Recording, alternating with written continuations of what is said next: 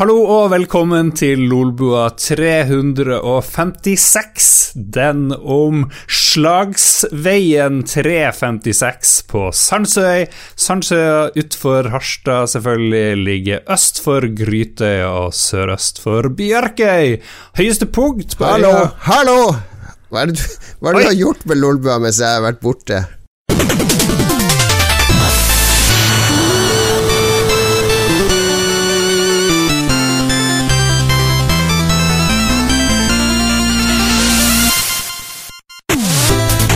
Hva er det du har gjort med Lolbua mens jeg har vært borte?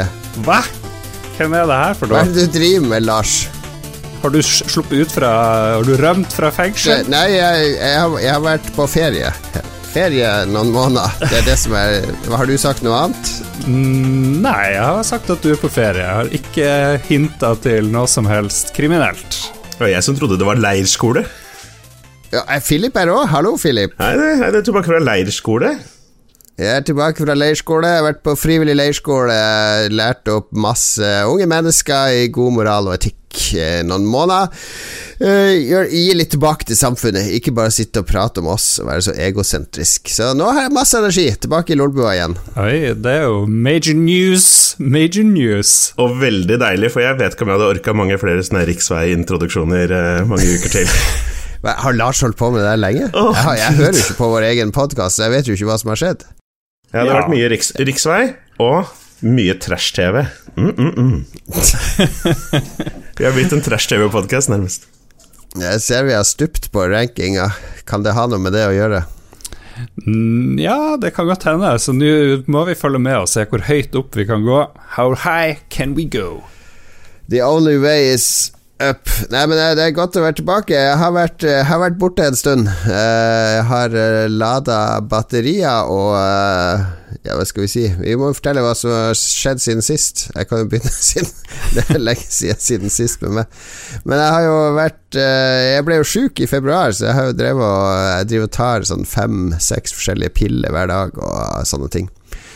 Så det er det som har tatt litt tid. Jeg har vært ganske tom for energi. Ja, du har blitt pillemisbruker. Det er det som har skjedd. Det tar mye energi. Ja, du vet ikke fors forskjellen på bruker og misbruker. Det er en svak, svak oppgang, det Ja. Hvilken farge er det på pillene? Er det, ser noen av de kule ut? For det er jo litt gøy hvis man tar noen piller som ser litt bra ut. Ja, det er litt kjedelig i Norge, for i USA så er de veldig flinke med å gi de farger, sånn rød og blå, og gjerne den der eh, ovale, vet du, som har sånn to farger Ja. delt på midten. Ser, da, da ser det fristende ut, men alle de norske er på en måte grå, eller litt sånn der eh, beige, eh, beigeaktige farger. Veldig kjedelig å se oppi den pilleboksen. Bare masse hvite og grå piller. Ja, du vil at det skal minne om en power-up så mye som mulig.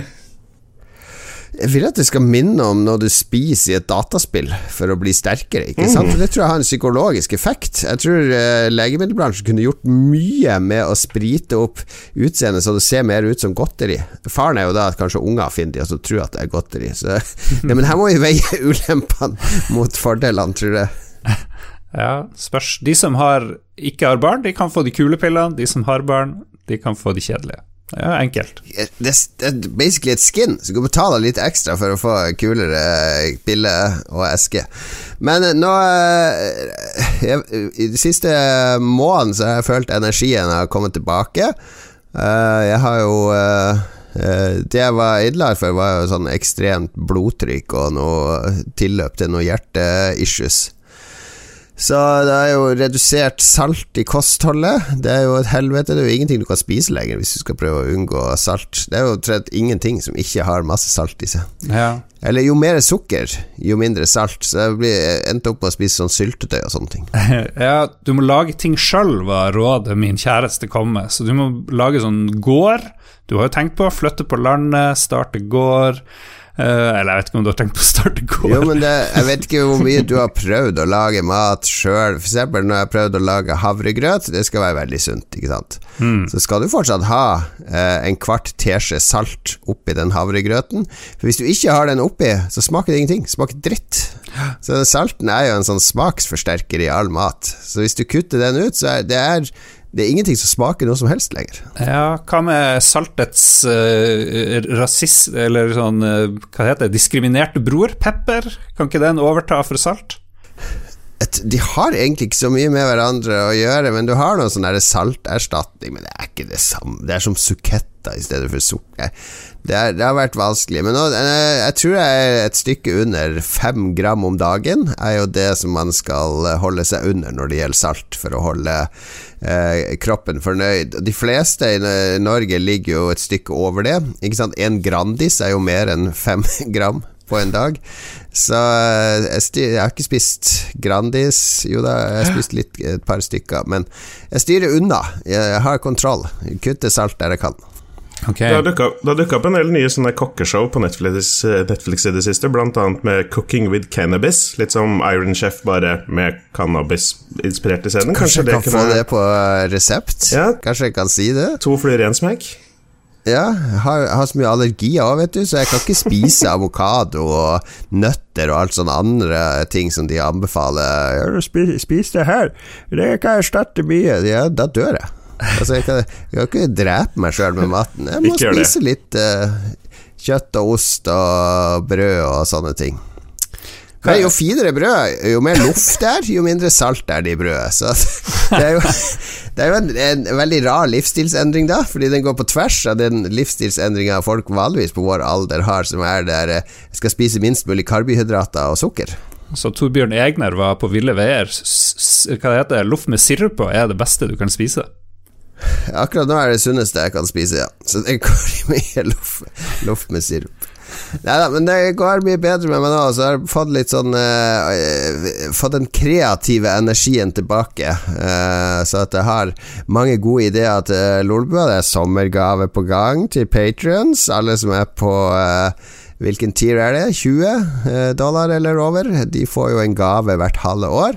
Nå blir det noe som man kan uh, ta fram om sommeren og virkelig kose seg med. Det skal Oi. vi få ut av alle patrions før sommerferien. Nå bare lover jeg noe jeg håper vi klarer å få til, det er jo at uh, Roffelbua 24 er jo klar og spilt inn, både som video og lyd, så når du hører denne podkasten, så er den ute.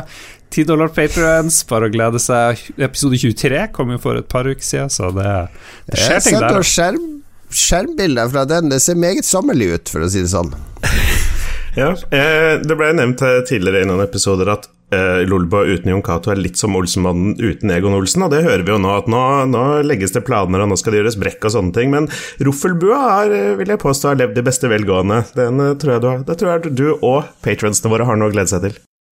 Ja, nei, der kan godt hende Roffelbua er bedre uten meg som har et sånn kontrollbehov for alt, fordi Roffelbua er kanskje best i uh, uten noe dressur eller regler.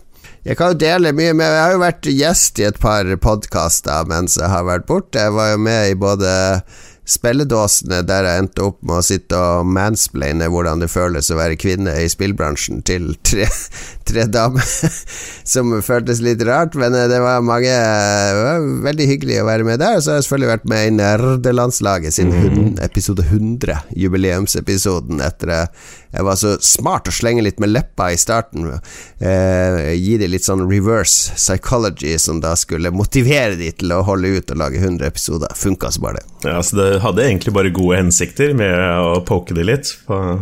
Ja, jeg gjør ingenting som ikke er gjennomtenkt eh, på forhånd, Philip. Så godt kjenner du meg. Ja, det burde, burde jeg visst. Men ja, nei, det er det sikkert ja. mange, mange, som har fått med seg. Hvordan, eh, hvordan var det for deg, ja, som vanligvis er i en litt annen type redaksjon?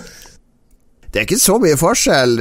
Forskjellen er at du har eh, Vi sitter jo i et studio på Vulkan eh, i, på Oslo. Eh, eller i Oslo på Hva heter det? House of Nerds på Vulkan. De har laga et sånt lite studio som liksom er nederlandslaget sitt, med sånn glassvindu. Så basically når utstedet er åpent, så kan folk være, henge der og se på innspillinga og, og, høre på den live, som er kjempelurt. Uh, og så er det jo Det blir jo noe eget av å sitte i studio og gjøre det, ikke sånn som vi gjør nå, sitte og se på hverandre på en skjerm. Som vel er 80% av arbeidshverdagen min, er jo sånne digitale møter. Men du får en annen dynamikk i rommet. Det er mye lettere å hoppe inn og ut på ting som andre sier, og bli mindre prat i munnen på hverandre og sånn. Mm. Og så er det tredje er jo at uh, Uh, og Det er noe vi prøvde en periode, jeg og Lars, og så legge på lyder og sånn live, så at det skulle bli minst mulig klippejobb etterpå, musikk og sånn. Men det gjør de faktisk. Altså Det er Andrea som har stålkontroll på det. Så han sitter med en Mac og uh, sånn miksebord og sånn, alle jingles og alt sånn det, det, det, det er veldig lite sånn klipping i ettertid av en sånn episode, fordi de er såpass proff med hva vi sier. og så alt kommer inn og ut når det skal, av lyder og jingles og effekter. Og uh, ja, nei, det, jeg ble imponert over uh, den produksjonen og den profesjonaliteten. Der har vi mye å lære. Ja, kan ikke vi gjøre det, for vi bruker jo altfor mye tid på etterproduksjon og å legge på lyder og drit og lort, liksom. Da må vi lære å slutte å si øh, mm, øh, hele tiden, Philip. ja. Det har jeg øvd på. Det, jeg sier ikke det lenger. Jeg, Jeg kommer dit etter hvert. Kanskje. Jeg foreslår at vi alle lærer en pauselyd. I stedet for å si øh, så sier vi enten jabbadabbadu eller øh, noe sånt der helt forferdelig som ikke er lov å si, så, så kan vi ikke gjøre det. Vi kan skjelle ut en kjendis, f.eks. jeg liker at Jabba Dabba Du er Det har du sagt så lenge jeg har kjent deg, Lars, når du skal være litt sånn ironisk entusiastisk. Du skifter veldig sjelden de sånne uttrykkene dine. Har du tenkt på det? Eh, nei, men du er jo- en nostalgiker. Ja, ja, ja. Men evner du å fornye det? Nei. Nei da. Kjørt spørsmål før vi går før vi går videre. Du som er, har nå vært mye rundt i Podkast-Norge. Vi diskuterte noe på stream i går. Vi hadde jo på Lolba-streamen på Twitch, så dekka vi Eurovision i går. Det var en stor suksess, veldig artig, med Rage Quit-gjengen. Uh, og, Ja. da, og da snakka vi om resten av Spill-Podkast-Norge. Det er jo en del andre hvite menn, og det er en del kvinner. Men hvor mange andre Kan jeg lage min egen gård i postapokalypsen med andre mørkhudede eller fargede fra Podkast-Norge, eller blir det bare meg?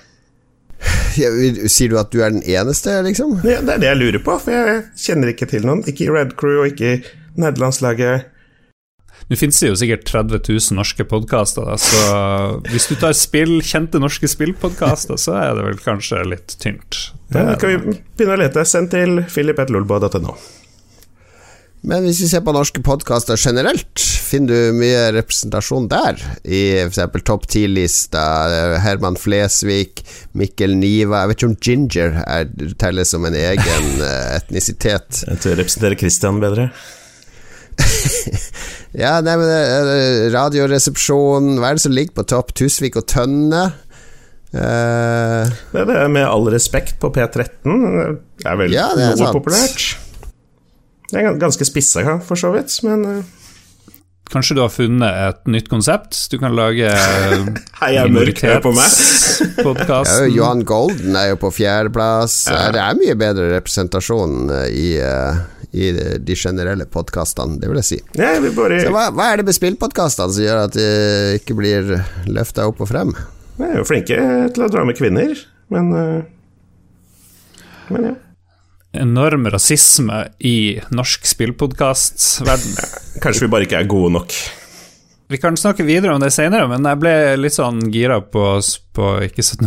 på Eurovision. Du hadde livestream, Philip. Yokato hadde fest. Jeg hadde Ja, ja, kjæresten jeg hadde ikke fest. Det var bare familien. Men det var familiefest. Ja, Ja, det var det. det var Det. Og der, der er det mye representasjon på kryss og tvers av, eh, av alt som finnes, vil jeg påstå. Det er jo helt eh, Det er jo blitt en herlig fest for alt og alle. Ja, men Italia vant. Eh, Det var vel noen som hadde sagt på forhånd at de var en favoritt, men at de skulle få så mye flere folkestemmer enn alle andre, det kom som et lite sjokk på meg. Det må jeg si. Sier du at det er mafiaen står bak? Ja, er We're nettopp gonna make make sure the It- Italy will win this year. Og de var, de, Italia var ikke med i 2019, husker du det? De nekta å være med, de var sure. Oi. De ble garantert seieren i år for å være med. Å ja. Ja, nei, det var veldig spennende med, med Ragecut-gjengen. Vi gikk jo gjennom og noterte ned og ga terningkast eller fra skala fra 0 til 10 på, på alle de involverte. Var ingen av oss som heide på Italia. Jeg tror vi skrev, skrev at det var en Rammstein copycat, men mye hud, så de fikk 7 av 10. Uh, det holder vel for å vinne, I guess. Jeg heide på Aserbajdsjan fordi hun var veldig pen. Altså, det er jo samme som Joakim på ni år. Han heide også på Aserbajdsjan fordi hun var så flink, sa han da. Så der, er dere, der har du en alliert i min sønn. Og så fikk England, eller UK, fikk null poeng. Det syns jeg jo var festlig. Litt trist, selvfølgelig, men eh, ja, ja. Hva er trist med det, for de sender jo søppel hvert år. Hvor, kan du forvente å få poeng når du sender søppel? Hva er kvaliteten i den låten eller fremføringa? Det var liksom Blåsemafiaen light med de der hornene som sto der nede. Tja, det er jo trist når noen blir såra. Jeg har jo en viss empati, da, og han hadde jo sikkert ikke kult. Men uh, Ja, men vet du hva, foreslår jeg neste år Eurovision, så stemmer du på de du tror får minst poeng, så, for da har du gjort ditt. Ja, jeg prøvde nå. Jeg prøvde nå. eh, Det blir litt trist, men jeg, jeg har gjort mitt. Jeg brukte 10 000 kroner på å stemme på UK i håp om at de skulle få ett poeng fra Norge. Ja, de kan byttes ut med Palestina, syns jeg. Hvorfor skal Israel være med, og ikke Oi, Palestina? oi, oi, oi, Det var så, jeg hadde til og med litt i bakhodet forberedt en vits om at uh, Lars var vel grinete på at Israel får lov til å være med, men uh, nei, da lar vi den ligge. Uh, jeg, jeg ga vel UK fem av ti, og de fikk fem poeng for trompet, fordi jeg er bare glad i trompet på generell basis. De har ikke sendt noe bra siden Gina G og OA Just a Little Bit, spør du meg. Jeg, jeg kan nesten ikke komme på et eneste engelsk bidrag i Eurovision. Det virker som Irland nå har resignert seg, for de, de, de sendte i år, var jo bare søppel. Den derre heseblesende, eh, galopperende sangen som ble slått ut i semifinalen. Ja, for jeg, jeg så bare finalen, så jeg ville gå blankt inn i det. Herregud, ta og hold kjeft, da. Man, la oss, la oss eh, som har satt oss inn i det, snakke om det her. filmen. Men det jeg kan si, er at den Eurovision-filmen med Will Ferrell, den syns jeg var veldig artig. Og i den filmen så sier jo han slemmingen, han russiske playboyen, han sier jo det om den ø, sangen fra UK. Ja, en veldig fin sang, men mm, de kommer til å få null poeng. Alle hater UK. Og så smakk meg. Ja, nei, nok Eurovision, tenker jeg. Det var bra finale, syns jeg. Mye uh, hummer og kanari, sånn som det skal være. Ja, Lars, Lars, hvem heide du på? Ukraina. Jeg skjønte at de kanskje ikke kom til å vinne, for det var, den er litt enerverende. Det er som et sånt uh, sted på ryggen hvor du vil klø deg, og så, og så klør du litt for mye på et vis, og så begynner det å svi. Det er litt sånn jeg tenkte om det, men jeg likte den der Jeg likte det likevel. Bra beskrivelse. Vi, vi sa sjukt bra start og veldig rar slutt. Så ja. Nei, den ble bare bedre og bedre, spør du meg, da. Den begynte bra, og så eh, var det På slutten var det jo en sånn der uh, rave-party uh, eh, for barn. Jeg likte den ganske godt, det. Skal vi gidde å snakke om hva vi andre har gjort? Har vi noe bra å melde, Philip? Jeg kan hoppe over, uh, egentlig. Jeg har bare svømt i et grottebad full av avføring. Jeg så jo sånn lag nederst i, i bassenget. Det var et badeland, og det var sånn, og sånn knudra, oppsmuldra bæsj, er teorien jeg har. For det var liksom rett farge, det lå bare og, var en sånn Eh, Du kan sikkert lage en, en doktorgradsavhandling om hvordan bæsj oppfører seg i vann, og hvordan det smuldrer opp, og hvor det fær hen, for det, det følte jeg så first Det, det jeg tror fins. Jeg, jeg tror det fins allerede. Jeg vil òg tro det fins. Det skal jeg finne ut av. Jeg har så mange spørsmål, men jeg vil ikke ha svar på noen av de. Ja, takk for meg. Og så fikk vi òg høre fra en legekompis at hvis folk er over sånn 60 år, hva det var, så klarer de ikke å kontrollere blæra, så hvis de havner i sånn varmt vann, så bare pisser de automatisk. Så det, det vil jeg Ja, også se det, forskning ja, det jeg har hørt, er at hvis vannet er kroppstemperatur eller over, så, så løsner, slipper blæra ut innholdet. du merker det jo ikke sjøl. Urin er jo samme temperatur som vannet, ikke sant. Det er umulig for deg å merke om du, om du tisser på deg ufrivillig når vannet er varmt eller varmere enn urin. Sånne ting tenkte jeg på da jeg var i badeland i går.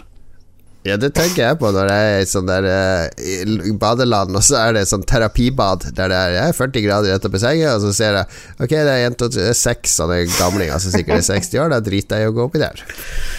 Bokstavelig talt. Ja. Samboeren blir 29 år i dag. Dette her skal ikke jeg tenke på på forhåpentligvis lenge. Hva? Sitte og spille inn podkast på bursdagen til samboeren? Ja, måtte til og med vekke henne og kaste henne ut av senga. Men hun fikk blomster og bursdagsdonut, så jeg tror jeg er i balanse. Kunne du ikke bare lista deg bort til PC-en og så slått på og så begynt å prate, spille inn, mens hun sov? Fristende. Da må vi begynne å streame det også, tror jeg. Da snakker vi penger. Det gjør vi neste gang. Ja, men det var, du skal aldri mer bade i basseng nå, Lars? Er det det som er konklusjonen? Nei, jeg er jo med. Jeg vet ikke, Det er jo masse klor, så det blir jo sikkert ganske rent. Men uh, det er jo disgusting. Man får jo i seg litt vann i kjeften, og hvis du nå skal svømme seriøst, så er jo ikke jeg flink nok til at jeg ikke gulper i meg litt vann uh, på turen og sånt. Så var jeg innom terapibassenget, var innom sklia. Driver du og gulper i deg vann mens du svømmer og sånn? Ja, hvis er jeg skal sånn der, ja. Du er sånn panisk, sånn der Donald Duck-svøm Armer og bein alle retninger, hoste og hark. Jeg er ikke så god å crawle, så hvis jeg skal øve på det, så kan det fort hende eksempel at Ja. ja, Eller at det kommer en bølge hvis noen hopper et eller annet i sted, og så kommer det en sånn tsunami. i bassenget. ja. Hater når det skjer. Det er så dramatisk det hørtes ut å bade med det. Bølge! Kom en bølge, Garan! Hopp opp! Det er sikkert forskning på hvor mye folk svelger i snitt på et uh, badelandbesøk. Det er mye ting vi Ja, må finne ut av. Er mitt problem med sånn basseng. er Huden blir så ekstremt tørr. Uh, får sånne små utslett og sånn av det kloret. Så jeg prøver å ikke bade for mye. Mm. Mitt lokale basseng Tøyen bad er blitt utsatt til å kanskje være ferdig i 2023, så Det, så der får du sånn ufrivillig vannavlatning, for det er ferdig da, Philip, og du skal uti der. ja, da er jeg riktig alder. Det er riktig alder. eh, Evighetsprosjekt, er Tøyenbadet. Hva med deg, Philip? Hva har skjedd i det siste? Så jeg forsøker å fatte meg litt i korthet. Jeg har opplevd eh, to ting som er verdt å nevne. Og jeg er jo, i tilfelle noen ikke har fått det med seg, ganske glad i Fine Fantasy 7.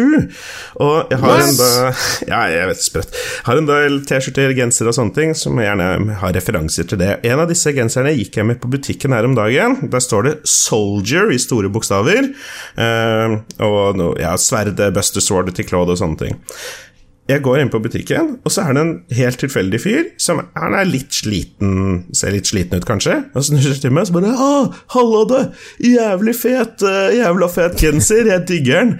Og jeg bare sånn, å ja, kult! Det er litt merkelig at han tilfeldig veldig slitne fyren her er Final Fantasy 7-fan, men jeg, jeg tar det jeg kan få, jeg. Så bare, å ja, du er glad i Final Fantasy? Han bare ja, fordi vi er jo en evig kamp mot myndighetene og mot kreftene, så vi må være soldater, og vi må være soldiers og kjempe for rettighetene våre. Jeg bare, ah, ok, ok, ok. Takk for meg. Eh, Noe mye mer slash mindre dramatisk. Eh, Jeg har jo forsøkt å sett dette eh, realityshowet Are You, the, one? Ja, selvfølgelig. Takk, Lars. Uh, og da måtte jeg inn på en britisk, uh, britisk uh, tjeneste, som, hvor jeg brukte en britisk VPN, så måtte jeg registrere meg. Jeg vil jo selvfølgelig avbestille den så fort som mulig. Så når jeg forsøkte å gjøre det, så var ikke det mulig, for jeg tror de hadde stengt kontoen min, da fordi de hadde lukta at jeg drev og holdt på med VPN og sånn. Da måtte jeg selvfølgelig snakke med en fyr på chat for å bekrefte hvem jeg var og sånne ting. Eh, som for så vidt går helt fint. Problemet er når du finner opp en helt tilfeldig britisk adresse som du liksom bor på for å registrere deg, og han ber deg bekrefte den for å bevise hvem du er. Uh, ja. Ja, magisk. Det var litt verre, så da, da sto jeg fast en stund. Kom, kom igjennom til slutt, men jeg tror de, tror de satte en med ti pund fra meg, i hvert fall.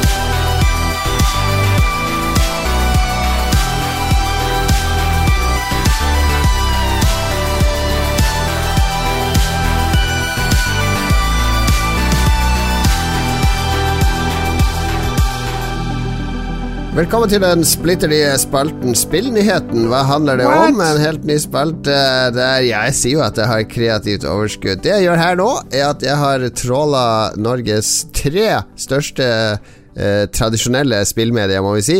Eh, nemlig de eh, skriftbaserte som er på nett. Vi snakker om Pressfire. Eh, gamer.no og eh, Game Reactor. Og så har jeg funnet en clickbait-overskrift på en av nyhetene som ligger på forsida. Og så må dere, da, Philip og Lars, dere må gjette hva handler denne saken om. Uh. Dere skjønte? Ikke gå inn på de sidene sjøl nå og juks, da, ikke sant? Morsomt. Morsomt. Så vi begynner med gamer.no. Det er jo vår måte å løfte opp og frem alle våre venner og kolleger og, og bekjente i disse mediene, så at de får litt eksponering, og kanskje lytterne våre blir inspirert til å gå inn på nettsiden deres og gi dere litt ekstra klikk- og annonseinntekter. Eh, vi begynner med Gamer.no eh, ledes av Audun Rodem, som er redaksjonssjef eller redaktør der. Eh, de, har, de feirer vel 20 år i år, så det er Norges Mm. eldste spillnettsted. Eh, og de har en overskrift som er 'Et grusomt interessant konsept', er overskrifta. Hva handler denne saken om? Grusomt interessant konsept. Jeg tenkte jo med en gang på Returnal. Det er jo eh, et ganske eh, grusomt, i starten i hvert fall. Philip kan skrive under på det. Du har vel datt det fort av. Ganske vanskelig. Og det er et nytt konsept, egentlig, i hvert fall i, i sånn tredjeperson uh, Metroidvania-stil. Så det er mitt første tips. Det handler om Ja. Returnal. Du må velge én ting som du tror det er. Det handler om Returnal. Jeg tenkte, jeg tenkte at vi var sånn Nytt på nytt, at vi bare lekent slenger ut litt sånn uh... Vi er ikke morsomme Ja, nok ja, til det, ja, Lars. Okay, du vil diskutere deg frem til ditt endelige svar. Jeg skjønner. Jeg tror, ikke, jeg tror Ja. ikke, det er, ikke det er Returnal. Det er jo flere sånne loop-spill eh, ute nå. Uh, uh, hvis Jeg tipper at Peter Molyneux har noe nytt på gang, og det er det det er snakk om. Å ja, ok, ok. Jeg må litt tilbake. Ja. Ja, jeg, jeg tror eh, alternativt så er det den nye kategorien bathtubs and beaches, eller hva det heter på Twitch. Det heter Pools, Hot Tubs and Beaches. ja, det er jo et grusomt interessant konsept, da. ja. Jeg, jeg var nesten litt gira på at dere skulle snakke om det i spillrevyen. ja, Fordi dette, dette er Twitch. Dette er jo en, i utgangspunktet en spillplattform som på en måte har gått ja, Vi snakker om det i Spillrevyen. Ja, så gjør det. slapp av, Ja, okay, hør, hør på Spillrevyen denne uka for mer om det grusomme, interessante konseptet pools, hot tubs og beaches. Kult, Ja. kult. Er det Hvor mange Nei, blir å si feil, bitches i eh. stedet for beaches? Det lurer jeg på. Det må jo være en eh, meme etter hvert. Som jeg tar Ja, du, avstand fra. du er første, først i verden med den vitsen. Lars, gratulerer. Takk, takk. Saken handler om et grusomt interessant konsept. Det er en sniktitt på spillet Deathloop, som er like rundt hjørnet. Det er jo laga av Dishonored-utviklerne i Arcane Studios. Så det er en sniktitt på det spillet. Der tok dere dessverre feil, begge to. Lars var nærmest, faktisk.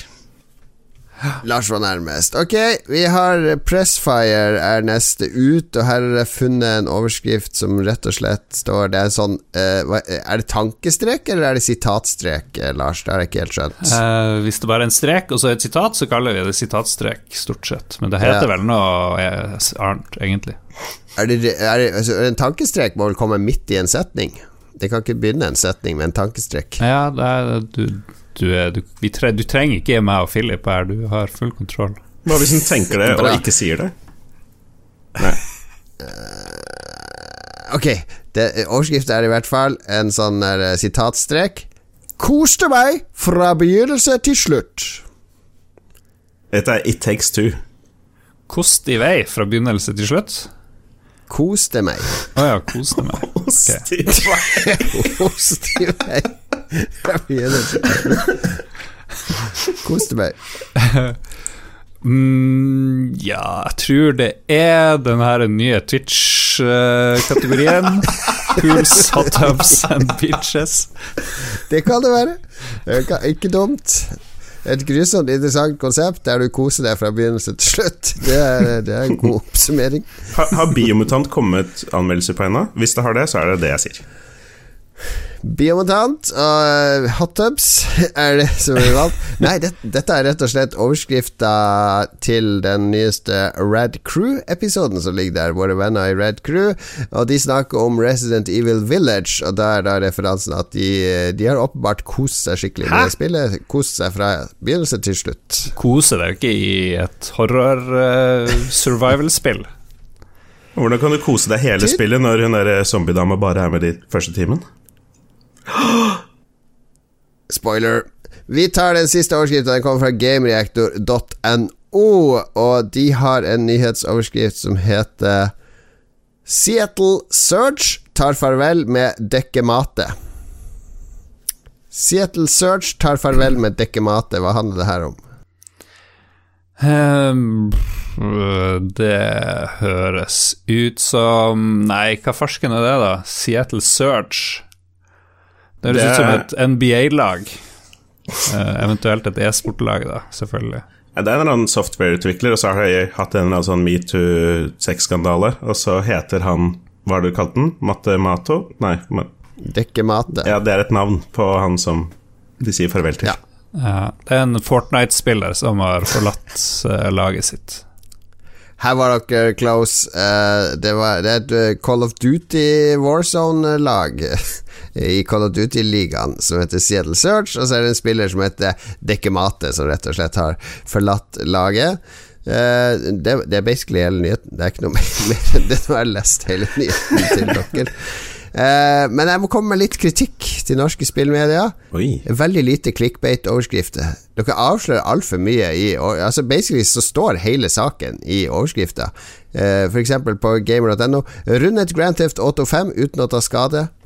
Hva er det jeg skal klikke inn og lese, da? Jeg skjønte hele greia. Grand Theft Auto 5 til PlayStation 5 og Xbox kommer i november. Hva mer skal du si om det, da? Gi meg noe- Ja, det er, her, eh, her har de mye å lære av deg, Lars. Du Ja. kan dette med å lokke folk inn i sakene. Ja, gi meg noe du vil ikke tro hvordan han rundet GTA 5. Nå, nå kommer Eller liksom, på denne datoen Er kommer det Du må, nye du må skjule klikkbeiten mye mer nå, for folk har blitt litt sånn der kravstore, men det går Jeg an. begynte å ikke sant? avsløre det. Ja. Har avslørt uh, releasedato for bla, bla, bla. Det, det er en grei tittel. Du trenger ikke skrive måneden det kommer i, for det er jo som du sier, da Men du kunne, eh, kunne du tøyd den litt og si 'nytt GTA i november'? Og så alle bare 'Å, GTA 6!' Altså, det er et nytt GTA, da. Det er en ny versjon av GTA. Ny GTA-utgivelse Ja, i ja, da tror jeg du hadde tidobla klikkene, eh, Audun. Noterer du nå, Audun? Jeg vet du hører på. Bare å ringe, Audun. Nå er det ringe. Vi tar konsulentoppdrag. Vi, vi gjør det.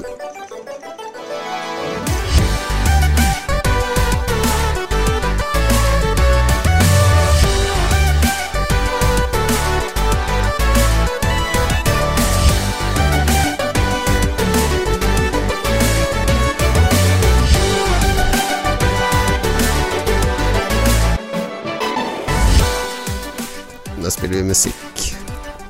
Det var en artig spalte. Jeg, jeg løper og tisser jeg, før vi starter neste.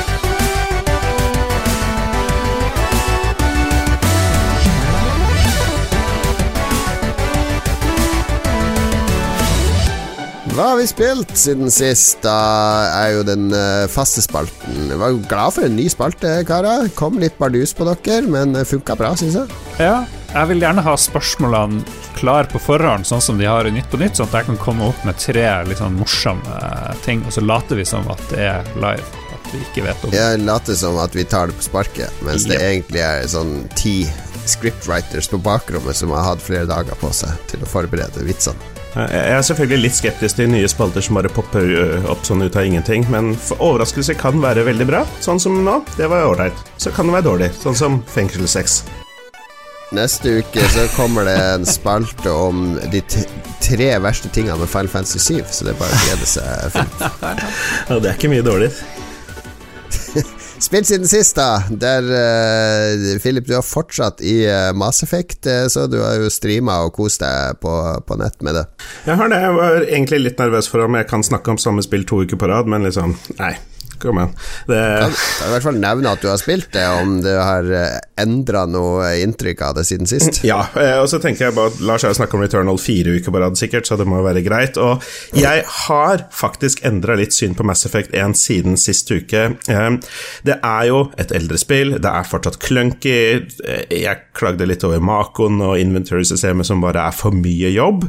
Eh, Jeg vurderte til og med å hoppe over deler av Mass Effect 1 for å bare starte med Mass Effect 2, som nok er det beste i serien, men etter hvert som jeg har spilt mer, så har jeg bare sunket dypere inn i denne verden og blitt påminnet hvorfor dette spillet jeg, hvorfor jeg likte det så godt i utgangspunktet. Og endte opp å bruke mange mange timer med å leke med dette altfor eh, vanskelige inventory-systemet. Samla alt som er mulig å samle, besøkt alle planetene, har 100 av egentlig hele spillet. Og ja, nå er jeg egentlig bare å gjøre ferdig siste oppdraget igjen, før jeg kan starte på, på Mass Effect 2.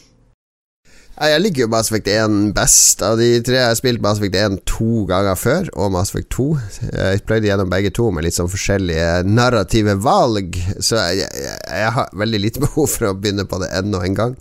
Eh, nå i nyere tid, men jeg syns eneren har det der potensialet og det der rollespillelementet og den der sci-fi Jeg syns soundtracket i eneren er så flott. Det er mye synter og mm eh, føles som man explorer og finner ut av ting. Mens eh, så blir det mer og mer action, og så blir det bare I var det jo egentlig bare å nøste opp alle løse tråder og avslutte mest mulig. Eh, jeg er helt enig. Alt med Mass Effect 1, det hele, hele, pakka som på en måte er veldig god. Jeg har jo ikke spilt dette spillet siden 2007, så det er, det er masse ting jeg har glemt. Ja. Og blir påminnet hele tida hvor utrolig mange gode valg som gjøres med historien, hvordan noen av disse valgene du må ta, faktisk er vanskelige. Det er flere Det er mm. bare det oppdraget hvor du må velge å drepe den Rakni-dronninga eller ikke. Du tar liksom stilling til overlevelsen av en helt annen rase, og det er veldig Veldig kult. Jeg liker det egentlig veldig godt. Uh, nå gleder jeg meg til å starte på Mass Effect 2, selv om det kanskje vil føles litt som en sånn etappe Det er på en måte ja. bare et stort sidemission, til hele spillet. Ja da. Men så lenge man koser seg, det er jo det viktigste. Jeg skjønte at det har vært mye Returnal-prat, og jeg hadde en privat chat med Dag Thomas, som uh, basically har laga konspirasjonsveggen med å uh, nøste opp greske tragedier og bibelvers og andre ting, og satt alt i en stor sammenheng. Uh, utrolig fascinerende at et spill kan gripe folk såpass uh, hardt, og samtidig så er det litt sånn splitta uh, i gamermiljøet om spillet er bra eller ikke. Jeg mener jo det er det beste som har kommet på et par år. Jeg er veldig enig der, altså. Jeg driver enda Jeg har ikke runda det, jeg har ikke hatt så mye tid og sånn, men jeg, eh, jeg, tenker på det hele tida. Ja, jeg, jeg, spiller det hele tida, og det er endra Det stilles mange spørsmålstegn ved hva et spill skal være òg, for jeg, når jeg har lest Eller folk som kritiserer det ofte, så ser jeg den der uh, Jeg tror mange har fått den der uh, Blitt ødelagt av Netflix og, og filmer og andre ting med at at uh, spill og film og TV-serier Det er sånn der sjekkpunktliste med ting. Jeg må se det, som jeg krysser av. Da har jeg sett det. Da har jeg sett det, da har jeg runda det, har jeg gjort det. Ikke sant? Mens Returnal det er et spill som jeg har egentlig ikke lyst til å runde det. Jeg har heller ikke runda det sånn som det. Jeg har ikke lyst til å bli ferdig med det spillet, fordi hver hmm hver run for meg er Det er som å gå på fjelltur. Altså Det er ikke sånn at jeg har vært på det fjellet, så da trenger jeg aldri mer å gå på det fjellet. Det er, det er mer det, det, fungerer som en terapi. Det spillet har betydd mye for meg nå i den uh, fasen jeg har vært gjennom der jeg har uh, slitt med helsa. Uh, det der med å Du får deg en på trynet, og så våkner du opp igjen, og så er det bare prøve på nytt. Det er jo det fine med spill. Kan, kan, ha ulike funksjoner. Kan være underholdning, kan være terapi. Jeg mener spill er ikke egentlig produkter som bare skal eh, gjør, man skal gjøre seg ferdig med, bare for å si at den boka har jeg lest. Det er opplevelser du skal ha. Du kan ikke definere at det er en opplevelse med en start og en slutt som du skal bare gjøre deg ferdig med. Siden da har jeg hatt den opplevelsen. Det kan være opplevelser du skal ha med deg over lengre tid. Litt relatert til det, så leste jeg en artikkel, ikke for å stjele det helt, men angående Mass Effect Legendary Edition, fordi det var så mange som uh, visstnok føltes så godt å spille den, og det hadde med at når man er i en situasjon som nå, hvor man er mye inne og ikke ser så mye andre folk, så den følelsen av nostalgi, den, det å Selv om det er parasosiale på en måte forhold ja. du har i spill, så betyr det likevel mye, da. Vende tilbake til noe trygt, mm. ikke sant, mm. Eh, til en tid. Det handler like mye om den tida du lengter etter, som selve spillet. Spyro har du spilt, Lars. Ja, i tillegg til Returnal så lovte Alf Inge blant annet Wang å spille mer Wreckfest, som jeg ga en terningkast én i forrige episode, etter å ha spilt ti minutter. Galskap! det begynte alle enige i at det var en dårlig start på spillet, og så lovte jeg å spille ti minutter til, men jeg har spilt null minutter til. Men jeg er overbevist av alle tilbakemeldinger i sosiale medier. Jeg skal prøve det, men jeg justerer det opp til terningkast fem, for det er et åpenbart godt spill. Og hvis jeg kan gi terningkast basert på ti minutter, så kan jeg jo gjøre det basert på null minutter, egentlig. Så den Det er du som lager reglene, Lars. Det er du som lager de. Det, det er helt greit. Ja, jeg har spilt Spyro-serien med en syvåring, og det må jeg si har gitt meg ganske mye. Du kan laste den ned, og så får du Spyro 1, 2 og 3. Og så har vi spilt mye én, og så har vi spilt litt to, men så har vi spilt mest tre, da, for det er jo litt eh, Det, det funker best. Og kjempeartig å drive og gi kontrolleren frem og tilbake, og fære og fly rundt med den dragen, som jo er veldig sjarmerende, og, og finne alle eggene.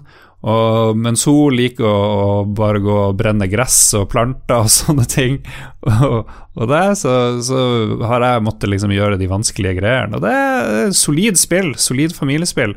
Det må jeg si. Ja. Knuse det her eh, Crash Bandicut, som jo har fått eh, remakes og nye spill og sånt.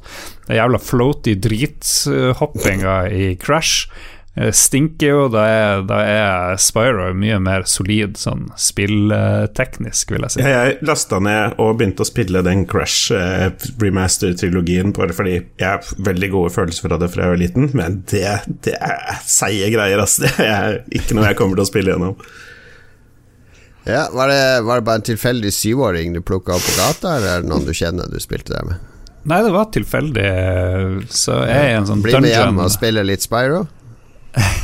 Nei, det er dama, det er dama ah. sin unge. Ja, mm. det, ja. det, er det. De har vært der denne uka her, så Kjempegreier. Ja, ja. Kan jeg bare spørre kjapt, kjapt spørre, dere veit jo kanskje dette her Hvorfor klarte aldri PlayStation å lage den type å, store, åpne verdener som uh, Nintendo klarte på 64? For både Spyro og de andre 3D-spillene, Ape Escape og sånn, det var jo begrensa områder, og så bevegde man seg mellom 3D-områder, mens ja, Mario, Zelda osv. PlayStation 1 har veldig begrensa arkitektur med minner og sånne ting til å ha noe sånt lasta inn, mens på Nintendo så kunne du jo tilpasse chipene på de cartridgene litt, litt mer, så det var litt lettere å få til uh, der. Men det er jo ikke sånn gigasvære De er ganske primitive verdener på mm. Nintendo 64. Men de fikk det jo til på PlayStation 2 med Jack og Dexter og sånne type spill. Mm. Kom etter hvert. GTA, hvilken maskin kom det på? PlayStation 2. Det var PlayStation 2. 2. GTA 3 ja. første 3D. Men koselig da at du bonder med dine eh, ste, Er det stebarn nå ennå, eller er det, er forholdet er offisielt, så du må jo ha Hva kaller de deg, onkel Lars? Jeg kaller meg Lars Rikard Olsen, sier du. De kaller Reikelende, som er samisk for hestkuk, er det det? Du, men du ja. tror det er, det er sånn Å, det er kose ekstrapappa på samisk, men Stemmer det. Reikale Nei, det var, Beklager det, ja. Lars. Det var litt grovt. Det var litt grovt. Må ikke så, sånn, se meg apropos, har du noen noe oppdatering fra, fra din, din, gode, kjære mor? Ja, det vet jeg ikke. Det fikk du ikke med deg, kanskje, Jon Cato, men uh, mamma har blitt betatt av Philip. Liker stemmen oh, yeah. hans. Mm. For en begynte, å høre på, begynte å høre på Lolbua. Hun ville at jeg skulle hilse han og sånt. Nei, jeg vet ikke. Det, dere, dere, kan jo bli venner på Snap, så jeg overlater det videre til dere. Ja, så kan vi arrangere felles Eurovision-fest neste år. Det blir hyggelig. Veldig hyggelig. Jeg har spilt uh, Jeg har spilt litt av hvert. Vært borti lenge, men det er jo Returnal, så dere sikkert har snakka i hjel og som jeg snakka masse om på nerdelandslaget òg denne uka. Uh, altså, jeg uh, fått meg sånn ratt og girspak og pedaler, uh, for jeg tenkte jeg skulle begynne å spille litt sånn uh, racingspill, har jeg savna, men jeg endte opp med å bare spille Spilt time på time på time med Eurotruck Simulator 2, der jeg kjører Nå har jeg en Scania-lastebil, men jeg har kjørt mye Renault òg, på kryss og tvers i hele Europa. Akkurat nå holder jeg på nede i Spania for å oppføre sånn der online eh, Quest, der du får noen rewards hvis du gjør 20 leveringer der nede. Kjørt mye mellom Portugal og Madrid og bort mot østkysten og ned på Gullkysten, og helt opp noe variert landskap i det landet. Men jeg har vært oppe i Russland, jeg har vært i Norge, frakta en yacht fra, fra München til uh, Kristiansand. Uh, tok så veien gjennom uh, Sverige og Finland, over til Russland, ned via Polen, bort til Frankrike, opp til England. Jeg kan se hele ruta mi der jeg har kjørt. Jeg har ganske, jeg har kjørt mye mil i det spillet. Hør på musikk, eh, har på headtracking, ultra widescreen, også kjørt litt i VR. Eh, hakket mer slitsomt, eh, må stenge ut alt, men det, det, er god innlevelse. Men med sånn 32-9-skjerm eh, tett opp i fjeset, ratt og pedaler Kjør gjerne i bar overkropp og caps, eller i singlet og caps, for å leve meg ordentlig inn i det. Skal bli bilde for alle patrions. Én uh, dollar patrions skal få et bilde av herligheten i aksjonen. Men ja, kos meg. Kos meg i lastebilen. Er det bare sommerføre, eller kan du kjøre på vinteren i Nord-Norge med sånn estisk lastebil Nei, uten kjettinger?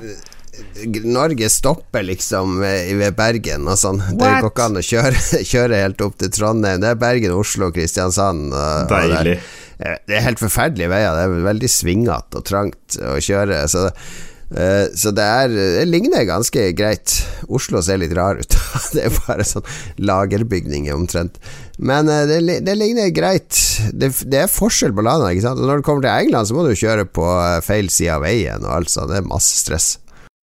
Vi må få de som lager de her, eh, de her båtspillene i Norge, de her Fishing in Barents Sea og sånt, til å lage Driving in Northern Norway. Det hadde ja. vært en magisk simulator.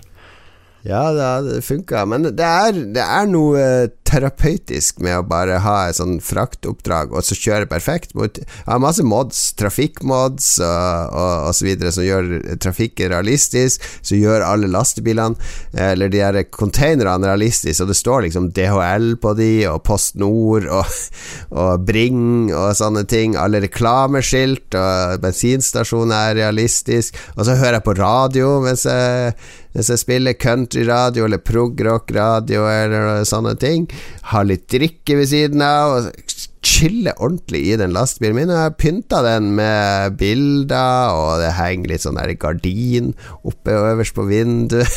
Jeg har en svampebob-figur som henger i speilet, en terning, litt Wunderbaum, eh, litt Playboy-magasiner bak på den senga mi, der det er en pute og et teppe som jeg har valgt ut. Min, min, alternative liv som lastebilsjåfør, det, det, det, trenger jeg faktisk. Jeg vil ha Smoke and the Bandit-DLC-en, hvor du kan ha multiplier. Én kjøre foran for å se om det er politi, at du er på 70-tallet, og så har du han bak, og så er det tidsfrister, Du må kjøre øl fra Texarkana til uh, Missouri, eller et eller annet. Det fins modder for det meste, så det skulle ikke forundre meg om det fins. Jeg har kjørt sånne gigantiske laster der du må ha følgebiler foran og bak, og politiet står og sperrer av eh, sideveier så biler ikke skal kjøre i veien og sånn. Det er et spennende konsept. Kan anbefale for alle. Er det noe jeg anbefaler for å forberede meg til uh, oppkjøring? Tror du det hjelper? Ja, hvis du, har, hvis du skal kjøre opp manuelt gir og sånn, så kan du faktisk øve på giring og. Det, det, det vil jeg si det hjelper.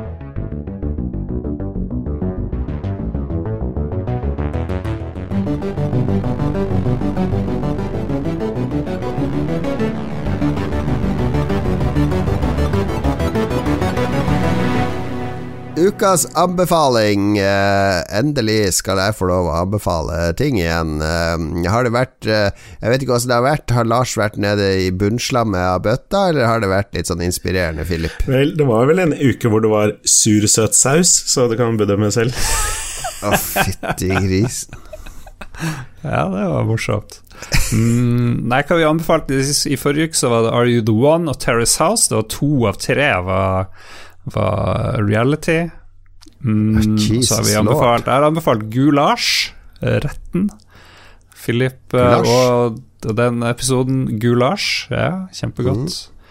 Uh, vi har anbefalt uh, sursuttsaus, ja. og litt sånt. Ja, det er der vi har ligget. Ja ja, hva anbefales denne uka, da? Jeg kan begynne, da, siden jeg har vært borte så lenge. Men uh, i min jakt på saltfrie matvarer, så er det jo mye stusslige ting du må spise, så de få virkelig gode tingene jeg har funnet, de har jeg omfavna bra. Og det aller, aller beste syltetøyet jeg har funnet, jordbærsyltetøyet, det er Løiten sitt. Kommer på sånne små glass til rundt 30 kroner. Mm. Og det er så utrolig søtt. Det er sikkert helt drukna i sukker, men det er med klumper, da. Og vanligvis når det er sånn klumper i sånn Nora-syltetøy og sånn, de er litt sånn sure. Det er den Ok, jeg må ta den klumpen og spise den. Den er ikke så søt og god. Det er noe du må få unnagjort for å spise det flytende syltetøyet, som er mye bedre. Mens her så er de klumpene veldig gode, av en eller annen grunn. De er liksom høydepunktet på skiva her når du kommer til den klumpen og kan eh, eh, ta den sammen med litt av brødskiva. Så Løiten jordbærsyltetøy, du skal få det på Meny sammen med masse andre varianter, rabarbra og sånn. Det, det, det blir for for eh, moderne for meg. Men uh, jordbærsyltetøyet til Løiten Megabra. Og kan også bestilles rett fra hjemmesida. Det gjorde jeg, bestilte et helt brett med åtte glass. Så eh, nå er jeg faktisk på nest siste glass, så nå må jeg snart bestille på nytt. Det begynner jo å bli jordbærsesong, så jeg anbefaler at du får kjøpe sånne ferske brett fra en eller annen jordbærgård et eller annet sted, og så bare mose det sammen. Det enkleste ting i verden er å lage sitt eget jordbærsyltetøy, og mye bedre sikkert enn også det her løytengreia. Bare litt sukker oppi, holde seg lenge, hive i fryseren, så har du unlimited ja, og hvis du er, hvis, hvis det er litt smart, bare venter til det åpner opp litt igjen, og så inviterer du oss til å komme og lage syltetøy som en del av en roffelbua, og så får du oss til å gjøre all jobben. Ja, det, det, kan faktisk funke. Men det blir jo ikke noe jordbærsesong i år, for de har ikke arbeidere i åkrene. Det er ikke arbeid som nord nordmenn kan gjøre, mener jo de jordbærbøndene. Ja, men da tar du jo med familien og Lolbua-familien, og så får vi jo plukke, og så blir det faen meg jordbærfest de luxe. Ja, jeg er litt skeptisk til at det er bedre. Sånn Hjemmelaga er ikke alltid best. Det er det mange som tror det. Men eh, jeg har aldri klart å lage så god mat hjemme som jeg får på restaurant, f.eks. Det er jo andre som har laga dem til meg. Mm, og du klarer ikke å lage like bra barn som det du adopterer, så det er mye samme greia. Jeg er jo en, jeg, jeg er jo en bringebærsyltetøymann, mye fordi jeg misliker klumpene i jordbærsyltetøyet, men kanskje jeg må gi løyten en sjanse. What? All right, jeg kan kjapt hva som skjer. Ingenting. Du sitter og ser det på telefonen hele tida, så gjør jeg det én dag i sendinga. Hva skjer nå? Hva skjer nå? Hva er det Joka du driver med? Jeg må følge med, jeg er i sending. Viktig å påpeke alt som skjer. Jeg har en veldig kort anbefaling, og det er å anlegge bart. Kom igjen, da. Herregud. Jeg har vært borte så lenge for å komme tilbake til det her. Ja, Hva er fordelen med bart? Samle seg snørr i den, klør Si meg en fordel med å ha bart. Den gir, det, den gir i hvert fall meg pluss én eller pluss to på karisma. Det er jeg ganske sikker på. Jeg vet ikke om kjæresten er like enig, men jeg syns jeg ser uh, smashing ut. Hvis jeg får den rett, da. For det er jo, du... jeg er jo ikke noen ekspert, da, men jeg driver jo bare og surrer med de redskapene jeg har. Og så hvis jeg får den der litt sånn 70-talls uh, pornobarten på plass, så syns jeg det er stor moro. Uh, underholde meg sjøl med å se meg sjøl i speilet. syns det er kjempeartig. Altså, hvis samene sier at 'nå ser du bra ut', så er det litt sånn kvalitetsstempel. Det er det du sier. Ja, det er det jeg går for. Ja, absolutt. du går, går, for det, ja. ja jeg skal jo ikke dømme, men du er jo leder, bedriftsleder. Føler du at de ansatte tar deg mer seriøst når du ser ut som en sånn klovn med bart som vaser rundt, eller når du ser ut som en sjef? Det er jo ikke en klovnebart. jeg har aldri en, hatt en sjef med bart som jeg har klart å ta seriøst, det må jeg si. det, det, da får du komme på besøk, får du nyte mitt lederskap. ja, nei da, whatever works for you, da. Men du må tenke på utseendet er viktig nå som du er leder, Lars. Både klesstil og utseende og hygiene og ja, jo da. Nei, jeg tror jeg har møtt én som dømte meg for utseendet, fordi jeg, jo ikke, jeg går jo ikke inn og dress og sånne ting, kan ha hettegenser osv. Så, videre. så jeg tror det, en, tror det er én så langt som har sagt at ja vel, er det sånn her man skal se ut?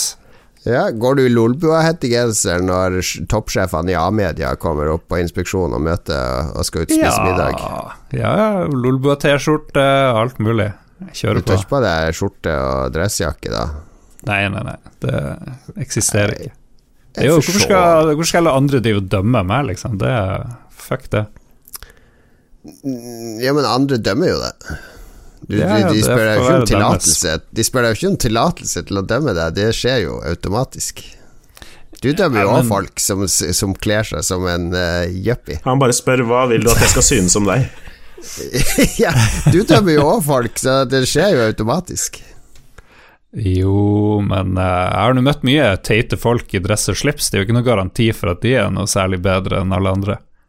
Nei, det er helt enig i det. Vi dømmer jo folk i dress og slips òg, så Ja, nei, det er vanskelig, det der. Bare legg ut før- og etterbilde av den der barten din på Facebook, så får Entourage ta stilling til det, tror jeg, Lars.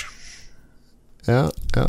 Will do. Men ville du eh, få jobbsøknad og det er en fyr med bart, vil du da si han stiller sterkere eller svakere? I det bildet av han på CV-en er en sånn bartesam. Med sånn, gjerne sånn trønderbart med sånn her som er sånn snurr. Sånn snurra på sida. Eh, det er jo et stort pluss. Nei, sånn snurr det er ikke helt min eh, bag, men jeg vil ikke Der ser der dømmer du! Der dømmer du. Ja, men jeg vil jo ikke, vil jo ikke eh, utelukke dem av den grunn. Det. Hvis han har sånn bikerbart og skalla med sånn bra. hakekors tatovert i panna, ville du dømt han da? Jeg var med inntil bikerbart, så ja. Nei, det går ikke. Nei, det går ikke. Ja, Nei, men utseendet utseende har noe å si. Det er verdt for deg lytter lytte å tenke etter. Utseende har faktisk noe å si. Jeg sier ikke at det er et riktig og et galt utseende, men du, du projiserer ting gjennom utseendet ditt. Det må du være bevisst, ikke sant? Ikke sant, Philip? Helt enig. Sjekk oss. Du vil jo projisere at du er Final Fantasy-fan ved å gå med de T-skjortene du går i. Mm. Så sjekk oss gjerne ut på Facebook og se hvordan vi ser ut, for å like podkasten enda bedre. Altså, du synes du må tenke over, Lars, nå går du og projiserer at du liker den homoerotiske actionfilmen Top Gun eh, veldig godt når du går med den T-skjorta di, og det er ganske godt yep. og inkluderende å projisere, egentlig. Ja. eh, fan av alle homofile.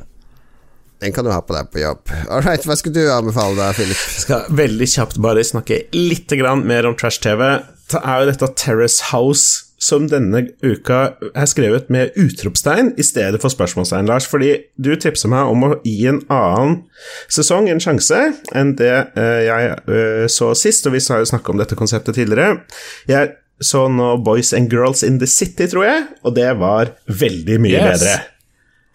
Ja. Da er de i Tokyo, er de Ja, ikke det er det? de i Tokyo. Nå, nå skjønner jeg greia mye mer hvorfor dette her er så kult. Eh, Ikke bare skjer det mye mer i sesongen, det er mer drama og mer som skjer, og han ene fyren bestemmer seg i episode to for å date alle jentene, og så se hva han syns og sånn. Det er kjempeartig. Um, men jeg Spoiler! men jeg får også et mye bedre inntrykk av det du snakka om, um, eh, med et, et vindu inn i den japanske kulturen. Om hvordan de forholder seg til hverandre og sånne ting som eh, jeg føler er mer tydelig i denne sesongen i Boys and Girls, og da blir det mye mer fascinerende. Så den, spesielt den biten der, om hvordan man får et, eh, et godt inntrykk av eh, hvordan Japan funker og sosiale kontrakter utspiller seg, det syns jeg er veldig spennende. Så takk for anbefaling. Perfekt anbefaling. Verdens beste realityserie på hiatus eller kansellert etter et uheldig selvmord. Ja, ja.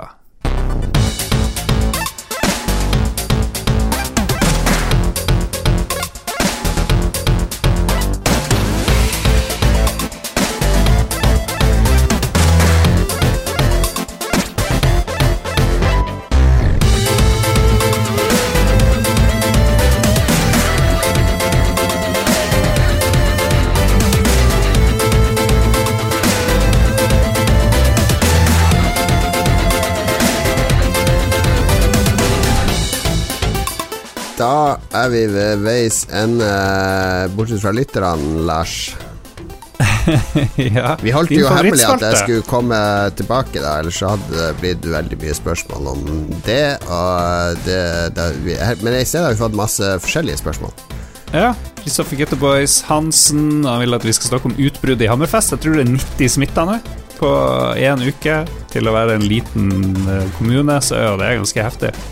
Ja, ja, ja. ja der kan jeg vise til de gamle avisoverskriftene noen måneder siden. Hvorfor skal vi holde stengt? Vi har jo full kontroll! Som alle kommuner sa som ikke hadde smitte, når det var masse smitte andre steder. Så det er, vi er i det her, alle sammen. Men takk for alle vaksinene dere sender til Oslo og Hammerfest. De er superhappy. Men jeg tenker, hvordan skal det gå i sommer? Det er jo de her ungdommene som nå får og sprer smitten, virker det som. Det har vært litt fest fester og sånt. Er, ja, men det som er greia, er jo at smittetallene kan være litt høyere når alle over 40 er vaksinert, fordi det belaster jo ikke helsesystemet så mye. Da blir eh, de under 40 litt småsjuke, og så Samfunnet går videre. Ja, Men det går jo ikke videre. Alt er jo stengt. Alle butikker er stengt i Hammerfest. Det er ingenting som er åpent. Å nei, alle butikker er stengt i Hammerfest! De åpna akkurat i Oslo etter å ha vært stengt i seks måneder, kjære Hammerfest. Begge butikkene i Hammerfest er stengt? Du klarer nå vel Du klarer deg vel uten de to butikkene i et par uker til det her er under kontroll? Eller har dere ikke Er alle butikker stengt? Matbutikkene er jo ikke stengt. Nei, nei, selvfølgelig ikke. Men jeg føler, i motsetning til de andre to her, så føler jeg med Kristoffer og Vegard Megaman, våre trofaste lyttere i Hammerfest.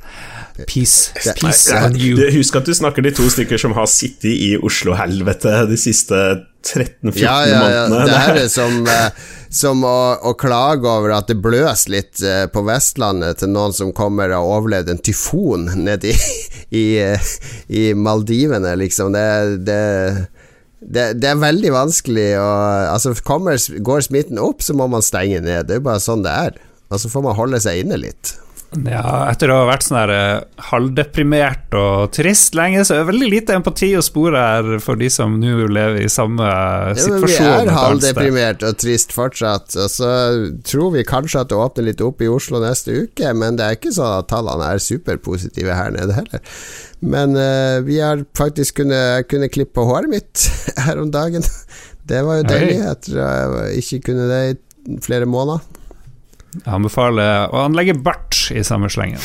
Ja, Nei da, butikkene er åpne her nå. Det utgjør ikke så stor forskjell, det. Men jeg må ha, når restaurantene kommer, så tror jeg at det går opp eh, eh, litt i glede. All right. Vi går videre til Fredrik med hammer. Det var egentlig mest, et, mest en vits på utbruddet i Hammerfest. Han spør da om innbruddet i Spikersuppa. Å, ja, spiker og hammer, ja. Jeg skjønte det nå. Skjønte det nå. Det var artig, Fredrik. Ok. Linn Søvik spør om noe ordentlig. Søvik. Søvik. Søvik. bare. Ja. Copy-paste without formatting. Eller heter hun det? E E3 spørsmålstegn. Uh, it is what it is. Hva mer skal vi tenke? Nei, det, er, Ja. det blir Det er vel ikke noe E3-feber, er det det? Jeg føler ikke på det i det hele tatt. Den mangler i år, men eh, det kan jo Kanskje skje. Kanskje kommer en uke eller to før, når, vi, når Sony og Microsoft skal begynne. Men det har vært merkelig lite sånn lekkasjer, egentlig. Jeg bare bitt meg merke at det var noen som ikke skulle komme, men jeg husker ikke engang hvem det var. 7. juni begynner det i hvert fall, så det er jo bare et par uker til. Så vi får se hva som skjer. Eh, Det blir vel noe stream og andre ting, vil jeg tro, sånn som alle andre gjør. Vi må vel finne på noe Som vanlig må vi krampaktig prøve å finne på noe som skiller seg fra det de andre gjør. Vi har hatt stor suksess med bingoene før, da, om Phil Spector har på seg skinnjakke eller ikke, og sånn, så vi må vel uh, gjøre litt research i forkant. Oh yeah. Hva sier Rikard Martinsen Koteng? Han klager på den manglende oppdateringa Lolbua anbefaler, og det, vi fant ikke balansen mellom vedlikehold og hvor mange som faktisk brukte de nettsidene. Eh, men hvis flere etterlyser det, så må vi selvfølgelig se på noe der. Her, vi er alltid Vi er brukerbasert, jobber ut fra innsikt om hvordan brukerne bruker våre tjenester. Han skal vil at vi skal snakke om Eurovision, det har vi gjort. Dag Thomas vil at vi skal snakke om Returnal, det har vi gjort. Inger Emilie Solheim lurer på om vi har prøvd fasting, det vil si å ikke spise. Og det er vel ikke sånn permanent, da, men i en periode at du Eh, ja, først jeg trodde jeg snakka om marifasting, som jeg gikk på ungdomsskole sammen med, men ja, ikke spise er, eh, er intermittent fasting, kalles vel på engelsk, hvor du går Jeg vet ikke hvor mange Jeg har noen venner på internett som har gjort dette her en stund. Det er 10-12 timer uten å spise noe som helst, og så kan du spise begrensa innenfor et visst tidsrom. Det høres veldig slitsomt ut, spør du meg. Ja, det er sånn, du har sånn åttetimersvindu du kan spise. Eller noe sånn sekstimers, åttetimersvindu du kan spise i løpet av dagen. Så hvis du dropper frokosten, og så kan du liksom spise lunsj klokka elleve og middag nærmere seks, og så kan du ikke spise mer. Som er en sånn teori, for da har kroppen 18 Nei, hva blir det? 16 timer på seg til å forbrenne. Jeg vet ikke. Det er jo ikke fasting heller. Jeg vet ikke hvor lenge man må faste for at det skal være faste. Snakk om ramadan og sånne ting her. Sånn Ja. eh, muslimsk kan, fasting. kan gå flere dager uten å, å spise òg. Da går det du nok over at i du ikke hadde tid til å spise lunsj, så kan du si Nei, nå, nå faster jeg faktisk, fordi jeg rakk ikke lunsj, så nå må jeg vente helt til middag før jeg har tid til å spise. Så jeg, nå er jeg på faste. Ja. Liksom Studier har vist uh, Forskning.no Studier har vist at mus på mild sultkost kan leve opptil 50% lenger enn normalt. Omsatt til mennesker vil dette bety en levealder på over 120 år. Jeg vet ikke, Hvis du jeg går på liker Wikipedia, norske Wikipedia og søker på faste, så får du bilde av en fastende Buddha. En statue av en fastende oh, Buddha. nice. Ser ikke veldig sunt ut. Jeg kan ikke anbefale det der. Han ser ut som et skjelett. Ja, Dette høres veldig slitsomt ut. Nei, styr unna fasting. Spis, Ja. kos deg. Det, er- det er Inger Emilie. Ikke driv med den fastinga. La oss 120 år. Let's go. Rage Quit. eh, ja, de lurer på Snowrunner på GamePass, uh, vil vi at vi skal snakke om, og hvor vanskelig tutorialen er. Ståle som tydeligvis sitter fast her. Jeg syns ikke det er noe vanskelig tutorial, så skjerp deg, Ståle, er vel det eneste vi trenger å si her. Men Joakim Strandberg har eh, Vi bruker ikke det ordet, men en kontroversiell mening, eller en, en, noe, noe som du kan tenne fyr på og kaste inn i et hus. Molotov cocktail. Ja, Hvorfor er PlayStation Molotov. 5 en gigantisk flopp? Ja vel, det var håra, håra ord. Ja, Det er bare bitre ord fra noen som ikke får tak i den beste konsollen. Even André Aarseth, tipp Nei, Skal du gå videre så fort? Skal bare det Ja. ligge i lufta der?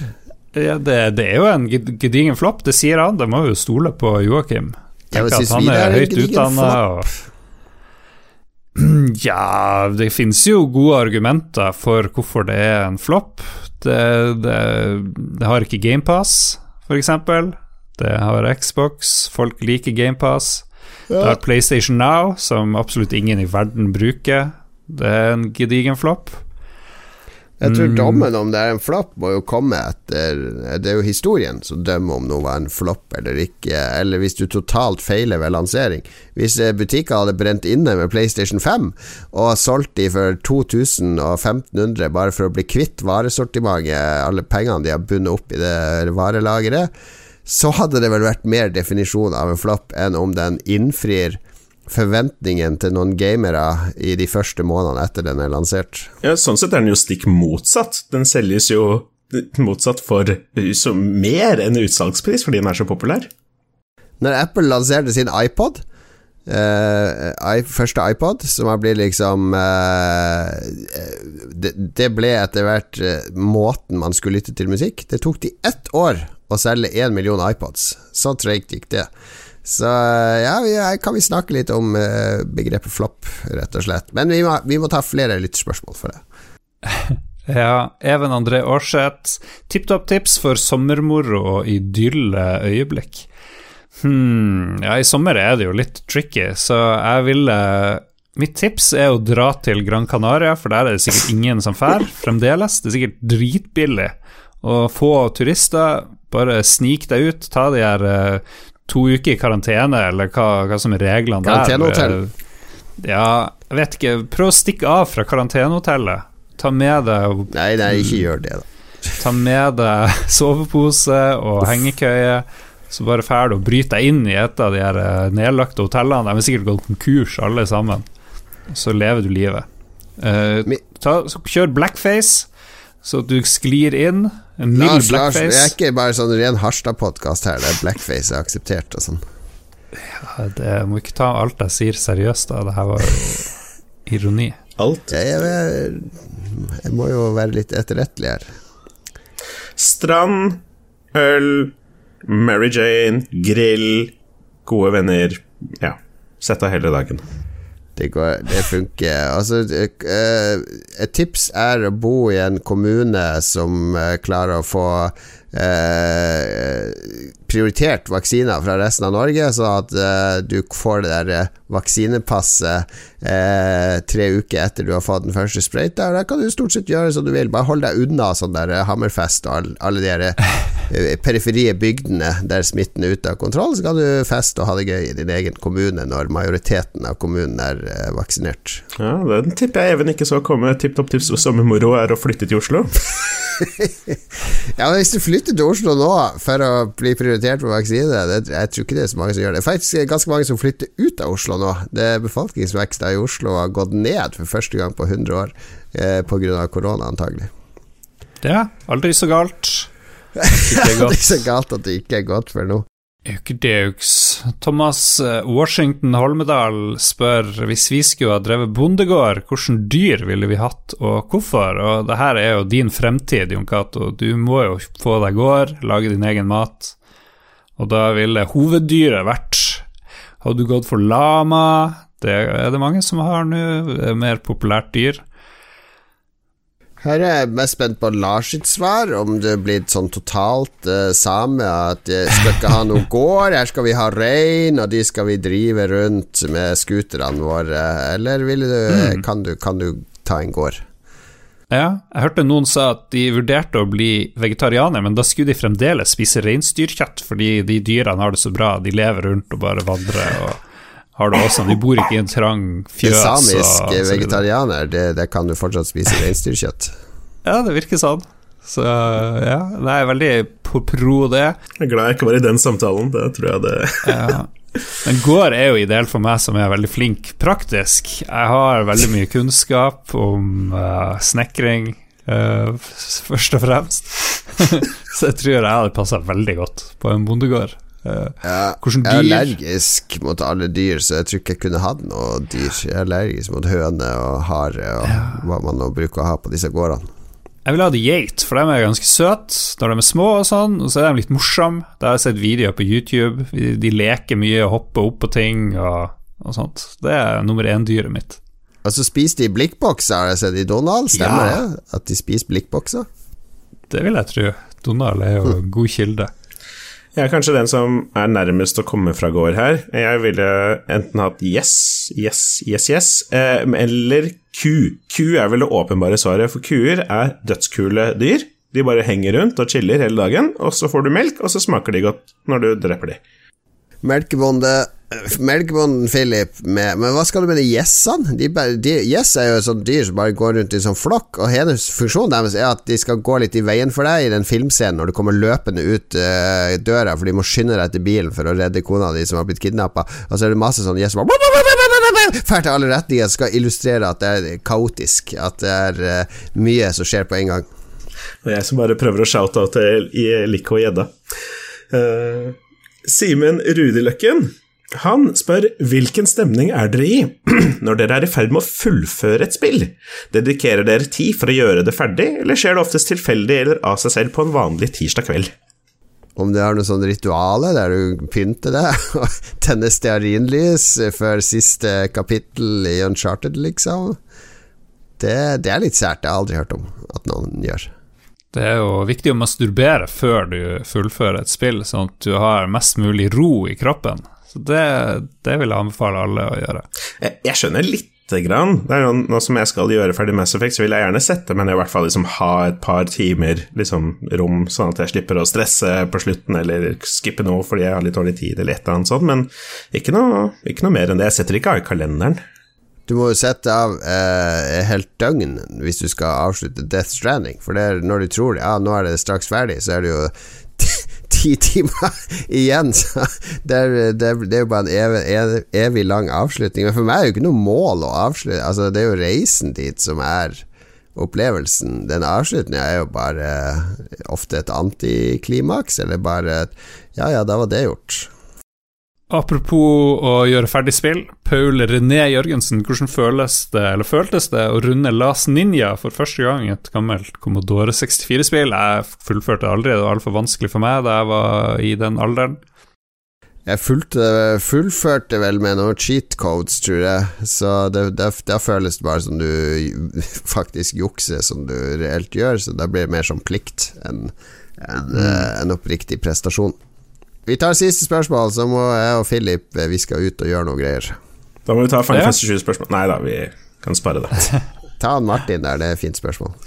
Hvis det finnes et liv etter døden, hvor dine handlinger på jorden vil ha noe å si for hvor du havner, hvordan ligger dere an? Oi, oi, oi. Det spørs hva reglene er. Altså hva, hvilke handlinger dette livet etter døden setter som premisser for at du skal få et godt liv der. Ja, jeg skal bare, ja. ødelegge diskusjonen. Eller jeg, fordi jeg har et så veldig sånn klart liksom, tanke på dette at hvis det finnes en gud, så er det helt greit. Hvis jeg, når jeg dør, så kommer jeg til han, og så sier han ok, Philip, du har gjort din egen greie, men du har ikke vært slem mot noen, så velkommen til Afterlife, og det er det. Jeg, jeg driver og gir mye til Leger uten grenser, og så er jeg litt sånn svak når folk ringer og vil ha penger til sånne ulike ting, så jeg føler jeg ligger godt an på sånn charity. Og så behandler jeg folk ganske greit. Jeg har uh, medlidenhet for folk, i motsetning til dere to. Så, så, jeg føler jeg leder litt her, da. Jeg tror jeg havner på en litt bedre plass. Det som drar litt ned Jeg var, jeg var veldig dårlig på forhold uh, i starten. Behandla ikke alle de damene jeg var sammen med, så veldig bra, liksom. Det var ikke noen sånn forferdelige ting, da, men Du slo de, uh, ja. Jeg slo Han har, slu, har slutta med det nå. Ja, du svarte ja der. Ja, han har slutta med det nå. Vi trenger ikke ta Slutta med å slå. Det slo ikke, men det var litt sånn, var, var litt sånn umoden.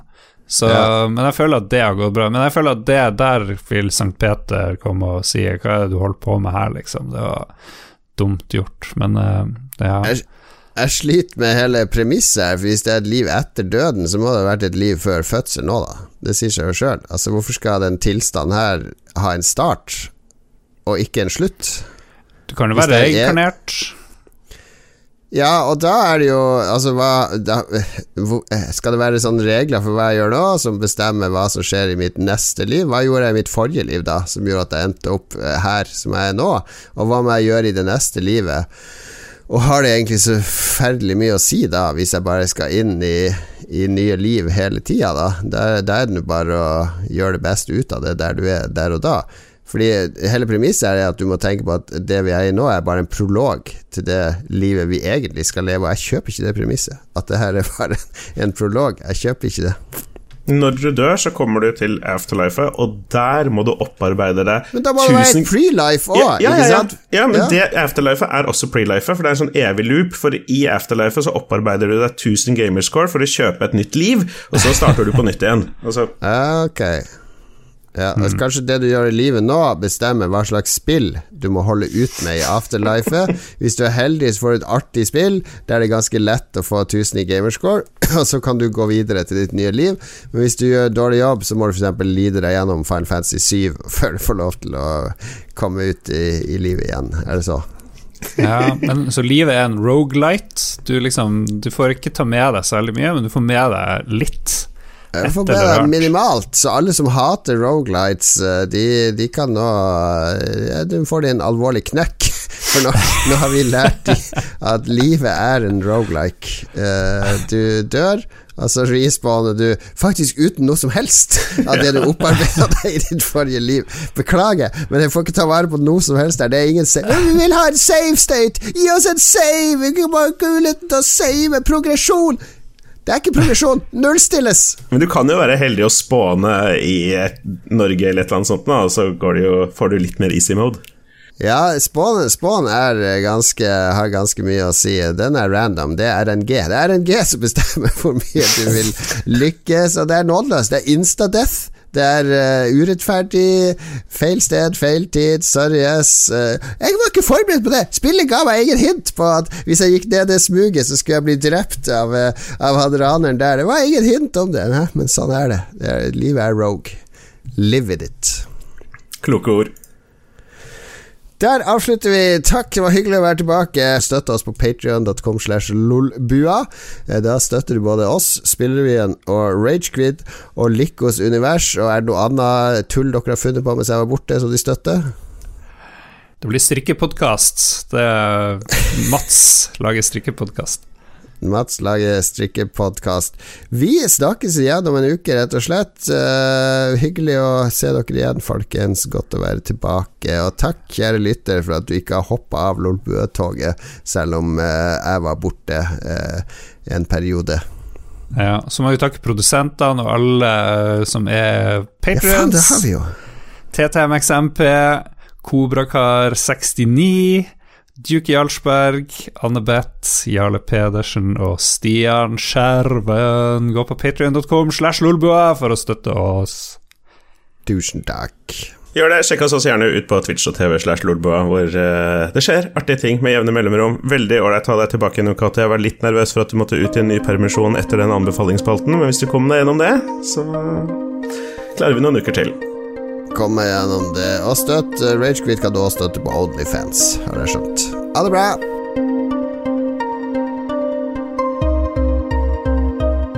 Nesten all musikk du har hørt i episoden i dag, kommer fra norske Kubbi, som lager helt magisk, magiske toner. Og nesten alt bortsett fra den siste sangen, kommer fra soundtracket til den norske animerte dataspillinspirerte kortfilmen Pikselhjerte, som du kan sjekke på YouTube.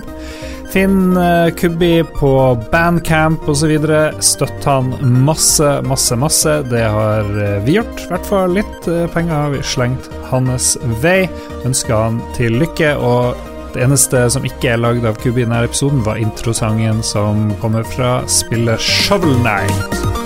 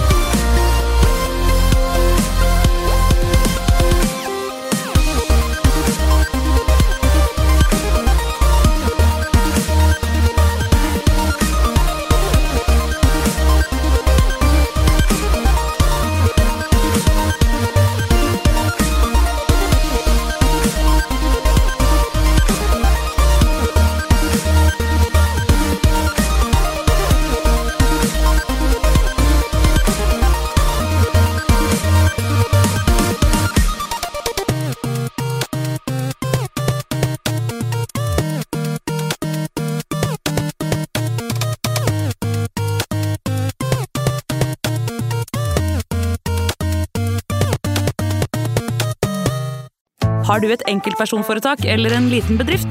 Da er du sikkert lei av å høre meg snakke om hvor enkelt det er med kvitteringer og bilag i fiken, så vi eh, gir oss her, vi.